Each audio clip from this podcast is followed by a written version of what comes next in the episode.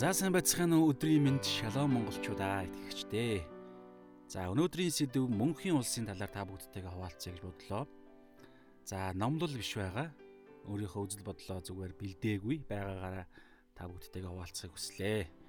За мөнхийн улс гэдэг сэдв үнэхээр сонирхолтой гоё сэдв. Тэгээд мөнхийн улс гэдэг энэ л сэдвээс болж энэ л очих тэр бай алсын хараа тэр барианаас болж бид нар өнөөдөр амьдралаа тодорхойлж явж байна. За тэгэхээр мөнхөн улсад ямар байх болоо гэсэн тэр гайхалтай сонирхолтой а бодлууд асуултууд итгэгч хүн болгонд мэдээж төрдөг байх гэж бодож байна. За миний хувьд мөнхөн улсын талаарх бодлыг бодох үед хамгийн дөрөнд ямар бодол орж ирдэг вэ гэхлээр нисэх талаар бодогддог. За би мөнхөн улсад очиод заавал ниснэ гэж би бол үнэхээр итгэж байгаа. Үнэхээр тийм хүсэлт тавьдсан, аль эртнээс тавьдсан үнэхээр заавал нисч үзхийг хүсэж байгаа. За өөр мөнхөн улсын талаар бодох үед надад юу бодогддог вэ гэхлээр аа мөнх гэсэн тэр цаг хугацааны цаг хугацаа ямар байх болоо гэсэн тийм таамагуд бодогддог нэгдүгээр. За тэгээд үүнтэй зэрэгцээд надад юу бодогддог вэ гэхлээр аа Библийн Эхлэл номын нэгээс ингээд их эхэнд бурхан тэнгэр газрыг бүтээгээд эхэлж байгаа шүү дээ. Тэгэхээр эхэнд гэдэг энэ үгэн дотор өөрөө цаг хугацаанаас өмнөх бүх тэр мөнх хугацаа агуулгадж байдаг. А тэгээд би яг эндээс юу надад төсөөлөгдөж чааш нь ингэж ургуулж надад бодогддог бай гэхлээр. А бүх зүйлийн өмнө цаг хугацаанаас өмнө дэлхийн ертөнц сансрагт руу буюу од гаргис галактик гэдэг бүх зүйлээс өмнө а мөнх оршихуй мөнх тэр одоо хугацаа гэх юм уу? Хугацаа бол мэдээж байгаагүй. Гэхэд тэр мөнх гэдэг тэр химжигдэхүүн дотор бурхан өөрөө мэдээж оршиж байсан байгаа. Тэгэхээр бурхан өөрөө гурвлаар оршигч тэр бурхан тэнд оршиж байх хугацаанд аа ингээд өрн тэр үед Библи дээрээс гарах юм бол нэгийн 26 дугаар 26 27 дугаар ишлэлээс байгаа шүү дээ. Бид өөрсдийнхөө дүр төрхийн дагуу хүн бүтээе гэдэг аа хүсэл төрсэн байгаа.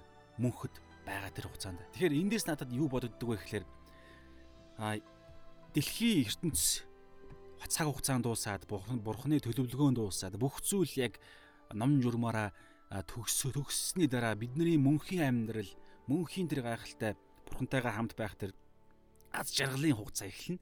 Тэгэхээр тэндээс хойш мөнх хугацаа өрүүлжлэх үед ямар байх болоо гэсэн төсөөл надад бодогдох үед яг л тэр эхлэл нэгийн нэгээс өмнөх тэр үе бас яг адилхан давтагдах юм шиг надад санагддаг. Тэгэхээр Бурхан мөнхөд байх тэр үедээ Бурхан бүгдээрээ хамтдаа нэг зүйл бүтээе гэсэн нэг тийм хүсэл төрсэн байгаа тий. Хамтдаа бүгдээрээ за бүгдээрээ гэдэг нь а гурвлаараа оршиж бурхтын хоорондын тэр за бурхад гэж олон дондор ярьж байгаа боловч нэг бурхан гэхдээ гурвлаараа оршиж байгаа тэр ер бусын хүний оюун ухаанд ойлгогдохын аргагүй тэр одоо тэр цогц бурхан маань комплекс тэр бурхан юу гэж зөвшөлдсөн бэ гэхэлэр те нэг зүйлийг бүтээ. Өөрсөдтэйгээ адилхан нэг зүйлийг бүтээгээд нэг ертөнцийг бүтээ, нэг түүхийг, нэг адал явдлаа, нэг төлөвлөгөөг эхлүүлэе гэсэн тэр хүсэл Бурхны дотор бий болсон байгаа тий.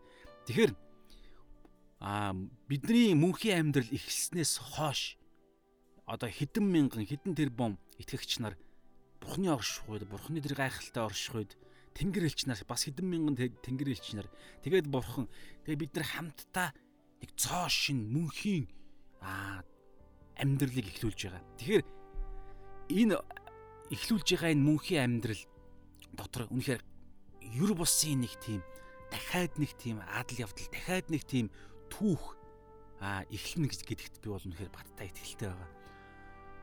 Яагаад вэ гэхээр бурхан бурхны дот бурхан бол ерөөсөө мэдээж хүн биш шүү дээ тий. Бурхан бол хүн биш.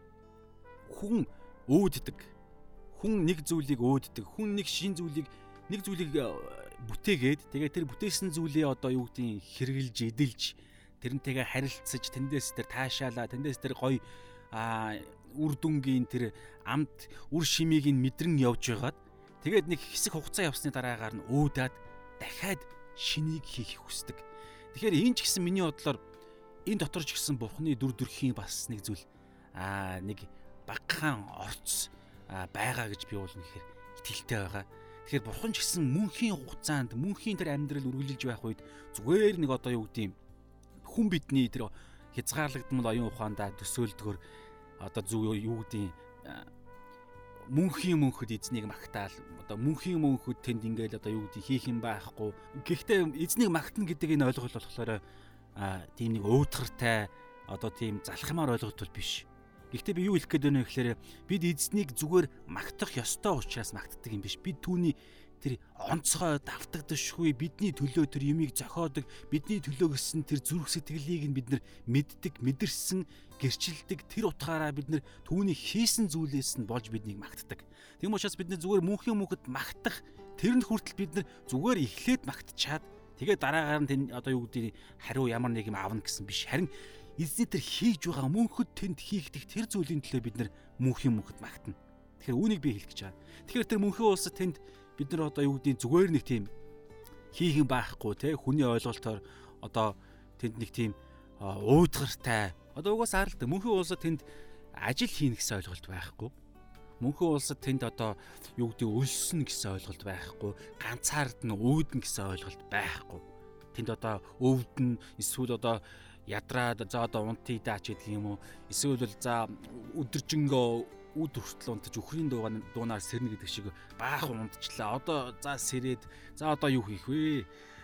За хийх юм байдаггүй ямар өөдөртэй юм бэ? Ямар залхуутай юм бэ гэдэг. Иймэрхүү маягийн тэр нэг энэ дэлхий дээрх тэр нэг юм саарал те нэг юм манан одоо юу гэдгийг тэр нэг ногоорсон тийм нэг мэдрэмж бол мөнхөө улсад миний бодлоор бол ерөөсөө ямар ч байхгүй гэж бодож байгаа. Яагаад вэ гэхээр бурхан бол тэнд одоо төгс төлөвлөгөө төгс амьдралын хэм маяг тэнд байгаа. Хэм маяг.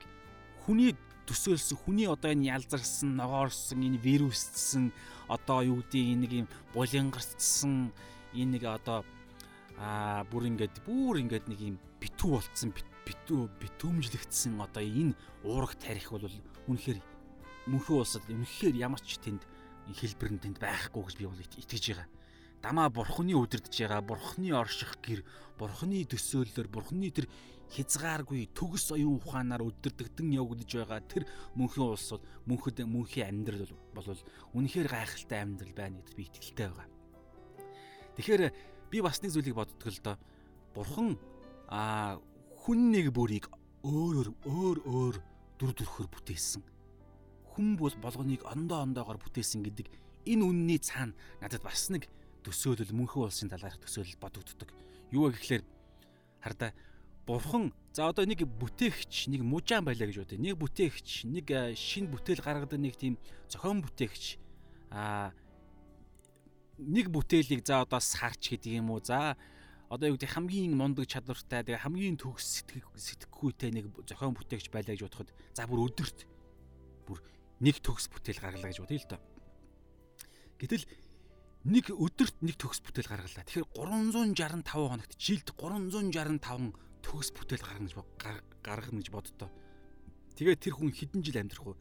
За бүр 70 жил хамгийн багадаа Библиэд одоо юу гэдэм дуул ном дээр 70 жил гэж бичигдсэн байдаг хүний насыг одоо дунджаар хамгийн буусан те эхлээд 900 насалж ирсэн дараагаар нь 120 тэгээд 70 руу буух жишээ нь энэ бол бүгд нөгөө нэг үхтсэн те гим нүглээс болж сүрж байгаа дэлхийн одоо үр дүн байгаа мэдээж. Тэгэхээр хамгийн багадаа 70 жил амьдарж байгаа амьдэрсэн нэг төгс зохион бүтээгч, төгс оюун ухаан таны хүн байлаа гэхэд жилд 365 төгс бүтээл.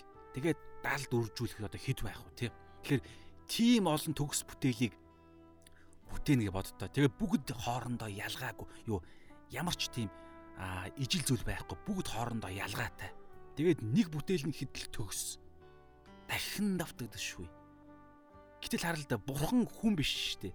Бурхан даалхан жил амьдрахгүй. Бурхан бол мөнхийн мөнхөд амьдрдаг. Тэгээ өнөөдөр дэлхий дээр өдөрт хэдэн хүү хүүхэд төрж байгаа вэ? Секунд тутамд хэдэн хүүхэд төрж байгаа вэ? Тэр төрж байгаа хүүхэд болгон бүгд дахин давтагдчихгүйгээр онцгой тэр хүсэл мөрөөдлийг онцгой ирээдүйн тэр амьдралыг зохиолыг дотроо агуулгадаа тээгдээд тэгээ явж байгаа. Тэгэхээр бурхны тэр оюун ухааны потенциалыг та нарыг ингэ төсөөлдөг дэлхийн суураас за одоо Адамаас өнөөдрийг хүртэл за ойролцоогоор нэг 6000 ч юм уу те 6000 жил байх байх гэсэн тийм таамаг байгаа мэдээж. Тэгэхээр Адам бол өөрөө дэлхийн бүтээлийн 6 дахь өдөр бүтээгдсэн. Тэгэхээр 6 дахь өдрөөс өмнөх тэр 5 өдөр нь ямар хугацаа байсан бэ? За 4 дахь өдөр нь те тэнгэр газрыг бүтээсэн 4 дахь өдөр нь нар саяг бүтээсэн байгаа цаг хугацаа хэмждэг болсон гэсэн үг те. Тэгэхээр 4 дахь өдрөөс өмнөх тэр 3 өдөр нь яг бидний одоо энэ 24 цаг үргэлжилж байгаа энэ өдөр мөн үү биш үү? За мөн байж болно. Гэтэл одоо юу гэдэг бид нар төсөөлөх гээд байна шүү дээ тий. Тэгэхээр Адамаас Адам Адамаас өнөөдрийг хүртлэх тий энэ хугацаанд хэдэн мянган хэдэн сая одоо тоолохын гаргагүй тийм олон хүний сүнс хүн бүтээгцээр төрсөөр бүрлэлцээр бий болсоор тэр үржих тогтолцоогоор тэр өсөн нэмэгдэж өнөрөдхөн болгосон тэр ерөөлийн дагуу тэр ерөөл дотор агуулгадж байгаа тэр тэр гайхалтай те ам бий болох тэр хүний оюун ухаанд төсөөлөгдөшгүй тэр сүнслэг тэр гайхалтай хүч тогтолцоо хууль энэ зүйлийн зүйлээс бий болж байгаа тэр амьуд харалта тэр амьуд нэг амьгтл тийм гайхалтай ер бусын онцгой бүтээл төгс бүтээл байна. Тэгэхээр ийм оюун ухааны төгс одоо потенциалтай тэр бурхан мөнхийн улсад бид нартай хамт мөнхөд амьдарч байхдаа зүгээр бидний төсөөлж байгаа шиг өнөөдөр бидний те одоо өдөр өдөр өдрийн одоо юу гэдэг амьдрал өрнөж байгаа шиг тийм амьдрал өрнө гэж юу энэ бол үнэхээр тийм байх ямар ч боломж байхгүй Бурхан бол цоо шин зүйлийг ихлүүлэх болно. Тэгээд миний бодлоор миний баримжаалж байгаа, миний төсөөлж байгаа зүрх сэтгэлдээ одоо тээж байгаа би ч гэсэн мэдээж ариун сүнстэй учраас магадгүй ариун сүнс надад энийг илчилж байгаа гэж би илчилж байгаа гэдэгт би итгэлтэй байгаа. Юу гэхээр миний бодлоор хардаа би ингэж бодож байгаа. Мөнхийн улсад очиод итгэгч нар хэдэн мянгаараа хэдэн саяараа мөнхийн улсад бурхантай хамт амьдрахад миний бодлоор хүн нэг бүрт зориулсан ертөнцийг зориулсан төлөвлөгөөг тэгээд хүн нэг болгоны тэр одоо хүсэл мөрөөдөл тэр дуртай зүйл те чаддаг зүйлс тэр гайхалтай тэр ялгарч байгаа тэр өнгөнд нь тохирсон тэр юр бусын тэр гайхалтай ертөнцийг хүн болгон зориулж бүтээнэ гэж би бодож байгаа. Адам Ева хоёрт зориулж энэ дэлхийг бүтээсэн шүү дээ, тэ. Тэгээ Адам Ева хоёрт зориулсан энэ дэлхий Адам Ева хоёрын тэр аа сатаанд тэр могоод эдэн цэцэрлэгт хуурдагдсан тэр одоо юу гэдгийг хайхарамжгүй, итгэлгүй, мэдлэггүй одоо тэр итгэлгүй тэр байдлаас нь болж энэ дэлхийн ертөнц нэг хүнд зориулсан энэ дэлхийн ертөнц юу болж хувирсан байна. Гэтэл өнөөдөр инх тайв надад зориулж миний бодлоор мөнхөн улсад эзэн дахиад нэг ертөнцийг бүтээнэ гэж би бол итгэлтэй байгаа. Тэгэхээр танд зориулж мөнхөн улсад эзэн дээр очиод мөнхөд амьдрахтаа бид нар мөнхийн мөнхөд яг надад зориулсан, тань зориулсан тэр гайхалтай төлөвлөгөө тэр гайхалтай ер бусын тэр нэг гой амьдралын адал явдал тэр зохиол эзэн бодчихсон бичсэн байгаа гэдэгт би итгэлтэй байгаа. Есүс хэлсэн шүү дээ тий. А би төрүүлээд явлаа. Тэгээ тэнд очиод а би танарт орон байр бэлдэж байгаа гэж хэлсэн. Тэгэхээр тэр орон байр гэдэг үгний цаана юу байгаа вэ? Өнөөдөр Адам Ява хоёрт орон байр эзэн бэлдсэн тий. Эден цэцэрлэгийг бэлдсэн. Энэ дэлхийн ертөнцийг бэлдсэн. Бэлтгэхээс өмнө өгөхөөс өмнө 6 дахь өдөр яг гардуулан өгөхөөс өмнө 5 өдрийн турш эзэн дэлхийн ертөнцийг бүтээж Адам Ява хоёр тэрийг бэлдэж өгсөн байгаа. Тэгэхээр өнөөдөр инх тайван надад. Өнөөдөр энэ подкаст сонсож байгаа Бата өдөржөө дулмаа цэцгээ танд зориулж эзэн харалтаа бэлдсээр байгаа. Бэлдсээр. Төгс бүтээлийг. Яг энэ дэлхий ямар гайхалтай анх бүтээгдэж бүх зүйл нь төгс байсан шиг. Бүр түүнээс ч илүүгээр. Яагаад вэ гэхээр Есүс Есүс Христ өнөөдөр биднэрт бүр төгс зүйлийг жинхэнэ төгс шүү. Адам Ява хоёр тэр жинхэнэ төгс байгаагүй. Гэх байгаагүй боловч эзэн үнэхээр сайхан байлаа, нэн сайхан байлаа гэж хэлж ирсэн. Харин одоо бид нэр зориулж байгаа, бэлдэж байгаа тэр гэр нэн сайхнаас бүр илүүгээр үнэхээр төгс төгс гэр байна. Төгс бүтээл байна гэж эзэн хэлж чадна. Тэгэхээр тийм гайхалтай ертөнц, тийм гайхалтай амьдрал биднийг хүлээгээд тэнд байж байна. Тэгэхээр өнөөдөр бид нар энэ дэлхий дээр амьдарч байгаа өдөр тутмынхаа амьдралын одоо юу гэдгийг тэр эрх ашиг, хүсэл, тэр мөрөөдөл энэ дэлхий дээр сайхан амьдрахын тулд бид нар энэ дэлхий дээр л сайхан амьдрчих юм бол бус нь хамаалгаа. Энэ дэлхий дээр л бид нар өнөөдөр за авралаа авцсан. Аврал нь бол миний карманд байгаа.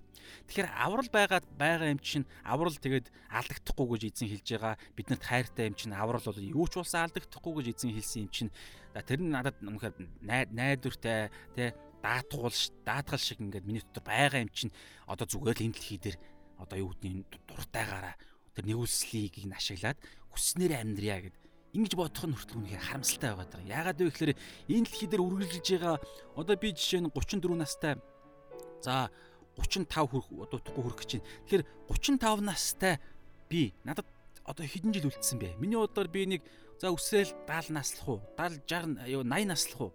Одоо надад нэг 35 жил 45 жил үлдсэн байж тээ. Тэгэхээр энэ үлдсэн амьдралдаа би энэ хүү 45 жил амьдрахын амьдралдаа би сайхан амьдрахын тулд өнөөдөр би юу хийх юм бэ? Би за би эхнийх нь одоо юу гэдэг 10 жилд нь би үлдсэн 35 жилдээ сайхан амьдрахын тулд би 10 жилд нь би стандараа хамаг хөлс хүчээ сүнсээ худалдан байж бусдын амь нас, бусдын авралыг худалдан байж өнөөдөр би нийгэмдэр мөнгөний төлөө би амьдрах юм уу? Тэгээд би олсон мөнгөөрөө би 35 жил энэ дэлхий дээр би сайхан амьдрлаа гэж бодъё л доо. Гэтэл би мөнхөд тэр гайхалтай амьдрах, мөнхөд би тэр ер бусын тэрний гайхалтай цоошин аа бүр илүү потенциалаар, бүр илүү хөв тавилангаар амьдрах, бүр илүү тэр а зохиол гайхалтай тэр хөв тавиландаа амьдрахын тулд өнөөдөр бид нар үлдсэн амьдралдаа бид нэр тэр яаж амьдрах мөнхөн улсад амьдрахдаа бид тэр амьдралаараа амьдрч чадах тэр чадвараа өнөөдөр бид нэр энд суралцаж эзэмшиж байгаа байхгүй юу? Мөнхөд бид нар амьдрах яаж амьдрах тэр чадвараа өнөөдөр бид нар энэ дэлхий дээр эзэмшиж сурч суралцаж дадлагжиж тэр шин шин сүнслэг мэдлгүүдийг мэдж тэр мэдсэн мэдлэгээрээ бид нар мөнхөн улсад амьдрахын тулд мэдсэн тэр ойлгож ухаарсан тэр ойлголт ухаарлаараа бид нар мөнхийн улсад тэр улам илүү гоё, улам илүү тэр чадварлаг, улам илүү тэр илүү зүйлсийг авахын тулд би тэр ивэл өрөөлийг даах чадвартай байхын тулд өнөөдөр бид нар энэ дэлхий дээр тэр чадварт суралцж байгаа гэж би үнэхээр дотор итгэлтэй байгаа. Тэгэхээр бидний амьдрал бидний амьдралын гол фокус бидний амьдралын жинхэнэ гол амьдрал маань гол адал явдал, гол тэр жинхэнэ кайфа таашаалаа идэлэн амьдрах амьдрал маань энэ дэлхий биш ээ. Үнэхээр биш. Тийм учраас олон олон энэ итгэгч нарыг олон олон за бүр олон олон үйл итгэгч нарыг олон олон тэр там руугаа явж байгаа тэдгээр ахын дүүснээ бид нар өнөөдөр сайн мэдээгээр тэр аварснараа тэр мөнхийн уусад жинхэнэ түүх өрнөх, жинхэнэ амьдрал эхлэх тэр юр бусын амьдрал руу бид нар аваачихын тулд холбож өгөхийн тулд тэр амьдралд яаж амьдрах вэ гэдгийг заахын тулд өнөөдөр бид нэр а энэ дэлхий дээр бид нар амьдарч байгаа гэдэгтээ би итгэлтэй байгаа. Тэгэхээр мөнхөн улсын талаар бид нар ингээд төсөөлөд яриад байх юм бол үнэхээр ариун сүнс миний бодлоор ичилсээр л байх болно. Тэгэхээр бидний амьдралын гол фокус, бидний амьдралын гол анхаарал, гол төвлөрөлт мөнхөн улс дээр л байх ёстой гэж би үнэхээр итгэлтэй байгаа. Библиэлд ч гэсэн хэлдэг та нар эд баялгаа энэ дэлхий дээр биш мөнхийн улсад та нар цуглуулаа. Мөнхийн улсад та нар хэвэн хорхоо тэр хорхоо элдв янзын цаг хугацааны тэр хулгайч нар янз бүрийн тэр зүйлсэд алдагдахгүй байхгүй болохгүй тэр гайхалтай мөнхөд байх тэр эд баялагийг та нар Тэнгэрийн улсад хураагаач яа гэж Есүс өөрөө хэлсэн байдаг. Тэгэхээр яаж хураах юм бэ? Ямар арга замаар, ямар амьдралын хэв маягаар яаж амьдрснараа бид нар мөнхөө улсад үнэхээр гайхалтай үнэхээр харамсахгүй за би үнэхээр сайхан а хийх зүйлээ хийлээ гэж гисэн тийм амьдралаар бид нар амьдарч чадах юм бэ? Библи дээр байгаа. Тэр үлгэр жишээ хэм маяг тэ загвар бол ерөөсөө л Есүс. Есүс өнөөдөр яаж амьдарсан? Есүс ямар зүйлийг зүрхэндээ тээж, ямар амьдралаар яаж амьдарсан, бүр яаж үхсэн? Тэр бүх зүйлс Тэгээд үхээд яаж амилсан те? Яаж тэнгэрлэг өргөгдөн тэнгэрлүү явсан гэх мэт. Тэр бүх зүйлсээс бид нар өнөөдөр дотроо байгаа тэр ариун сүнсээрээ суралцж тэгээд бид нар тэр загварыг тэр зарчмыг бид нар дотроо тээгээд тэгээд инх тайван батаад оржоод улмаа танд өгөгдсөн тэр онцгой тэр нэгэн дуудлага тэр нэгэн амьдралын тэр доторчин байгаа зүрх сэтгэлийн тэр хүсэл мөрөөдлөө тэр дуртай зүйлээ Есүс Христийн тэр загвартай нэгтгэх үед ариун сүнс юр бусын зүйлийг хийгээд юр бусын чадвар багаж болоод энэ дэлхий энэ дэлхий дээр өнөөдөр бид нар тэр үнэхээр гайхалтай амьдралаар амьдарч чадна. Тэгэхээр үүний тулд яах вэ гэхээр бид нар хамгийн түрүүнд Библийн шин гэрээ номныхоо эхний дөрвөн ном болох Матай, Марк, Лукс, Йохан гэсэн сайн мэдээний ном дотор Есүсийн амьдралыг дөрвөн талаас нь тайлбарлаад, дөрвөн талаас нь харуулад ойлгуулсан байгаа шүү дээ. Тэгэхээр дөрвийн дөрвийн тоох хүртэл үнэхээр гайхалтай энэ дэлхий яадаг гэж энэ дэлхий энэ дэлхийн бодит амьдрал гэсэн энэ дэлхий дөрвөн хэмжигдэхүүнд хязгаарлагдаж дөрвөн хэмжигдэхүүг хэмжигдэхүүнээр тодорхойлогдож барьж байгуулагддаг штеп. Орон зай цаг хугацаа гэсэн энэ хоёр хэмжигдэхүүн дотор орон зай гурван хэмжигдэхүүн уртраг тий уртаашаа тэгээ өргөөшөө тэгээ өндөр гэсэн. Бид нар геометрийн хичээлээр үздэг байсан тий. Уртрагийн зурлаа, өргөргийн зурлаа, өндрийг нь зурлаа.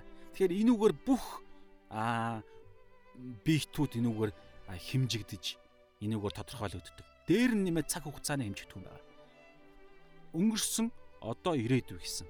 Тэгэхээр энэ хүү нэг шугам өнгөрсөн одоо ирээдүй гэсэн нэг шугам. Тэгээд уртраг, өргөрөг, өндрөг гэсэн энэ энэ дөрвөн шугам, энэ дөрвөн хэмжигдэхүүн дотор өнөөдөр энэ дэлхий дээр Адам Ява тэр бэлгэлсэн тэр амьдрал, тэр түүх хөрөнсөр байгаа.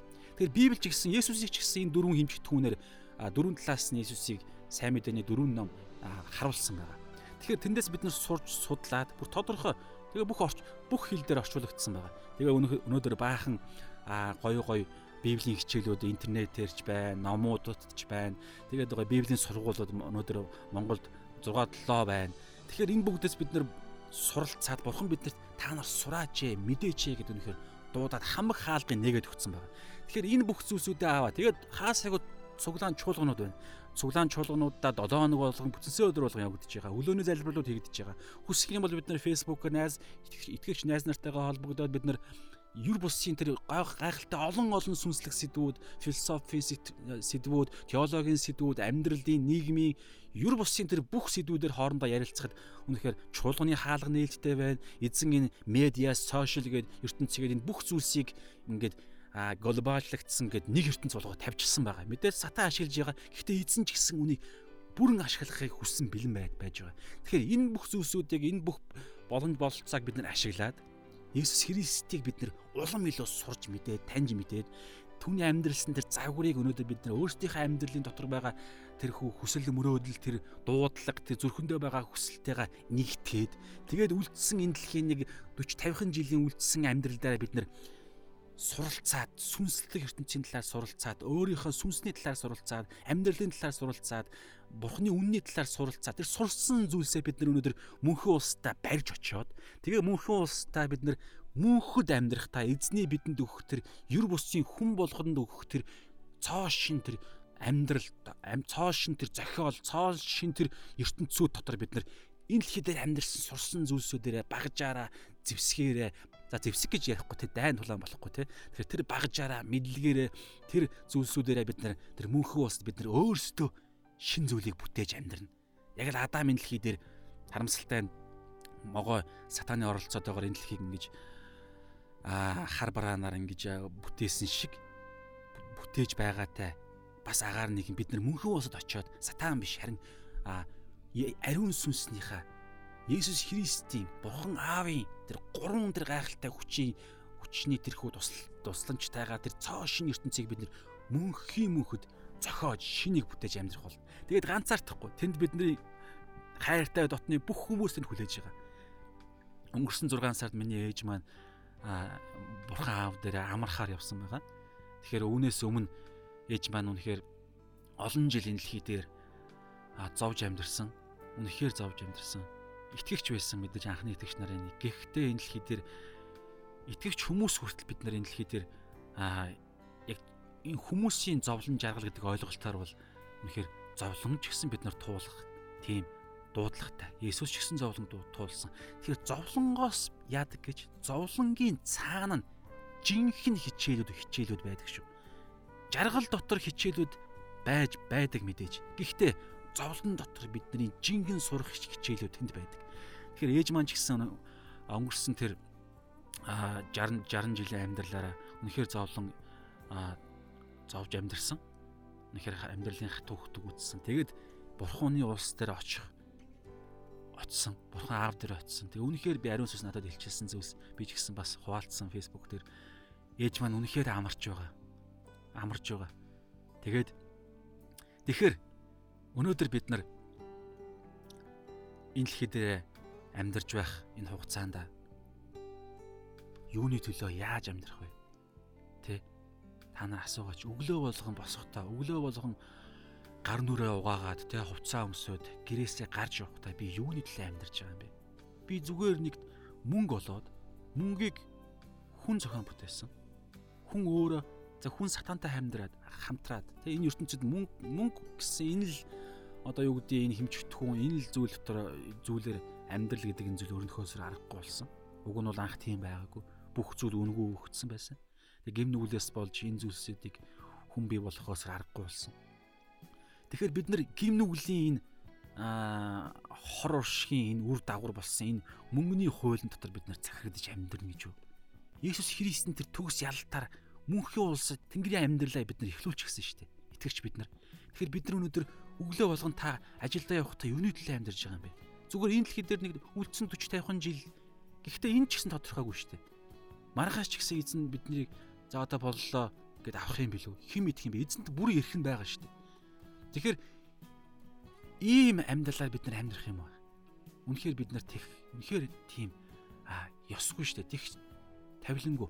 Тийм ч учраас би өнөөдөр шалом гэсийн үйлчлэлээр дамжуулаад шалом гэсийн үйлчлэлээр дамжуулаад өөрийнхөө амьдралыг би ингэж л амьдралаа үлдсэн амьдралаа би туулахар шийтсэн байгаа. Би өөрийнхөө одоо юу гэдэг анхан шатны хэрэгцээ энэ дэлхийн амьдралын тэр хэрэгцээний төлөө явахаас илүүгээр би Тэнгэрийн хаанчлалын төлөө би үлдсэн амьдралаа зориулахаар шийдсэн байгаа. Би одоо ганц би ганц би ч гэсэн ганц би тэр тусмаа ганц би миний бодлоор ганц би залуучуудад хийх зүйл үнэхээр их байгаа. Гэр бүлтэй болохоор за энийг би дараа нь ч гэсэн нэг подкастаар ярил та бүхтэйгээ хуваалцах гэж бодож байгаа. Дэлгэрэнгүй яриад яах вэ? Тэгэхээр цус дурдахад таавал ганц би байсан Есүс эзэн өөрөө ганц бий байсан.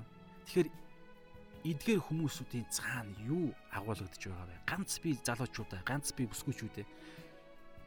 Бид нар өнөөдөр ганц би амьдралаа. Энэ нийгмийн нийгмийн хүмүүсүүдийн, нийгмийн энэ хар бараан хүмүүсүүдийн тогтолцоо, энэ сүнслэг ертөнцийн тэр хараагаар харьцуулалтаар бид өнөөдөр дорой, сул дорой, дутуу амьдарч ийн гэж бодох юм уу? Үгүй шүү дээ. Бид нар харин ч бүр төгс амьдрах бүрэн бололцоо биднэрт байна. Тэгээд бидний ганц бие байх хугацаанд бид нар аа тэр гайхалтай хүчээ багжаа авч чадах юм бол эзэн биднэрт хань хөхт хангалттай байх болно шүү дээ. За өөр сэдв рүү орох гэдэг байна. Тэгэхээр хамгийн гол зүйлс өнөөдөр бид нар мөнхийн амьдралд бидний хамгийн гол анхаарал маань төвлөрөлт маань тэнд байх ёстой шүү. Монгол ахын дүүс нар. За тэгээд аль болох товчхон ярихыг хичээсэн боловч дахиад нэг 27 секунд 28 секунд минут болоо явж байна. Тэгэхээр өнөөдрийн сэдвийн төрөд өндөрлөе. Тэгээд дараагийн сэдвээр дахин уулзтлаа. Баяртай. Тэгээд саяны ярьсан зүйлсүүдээс ойлгосон зүйлсүүдэд зүрхэндээ тэгээд ариун сүнстэйгээ хамт тэгээд гол зүйл дээрээ төвлөрцгөөе монголчуудаа. Тэгээд балансаа үргэлж тээ. Баланс гэдэг энэ үгний цаана юу байгаа вэ гэхээр үнний олон талууд байгаа шүү. Үнний олон тал байгаа. Есүс бол зам үнэн аим.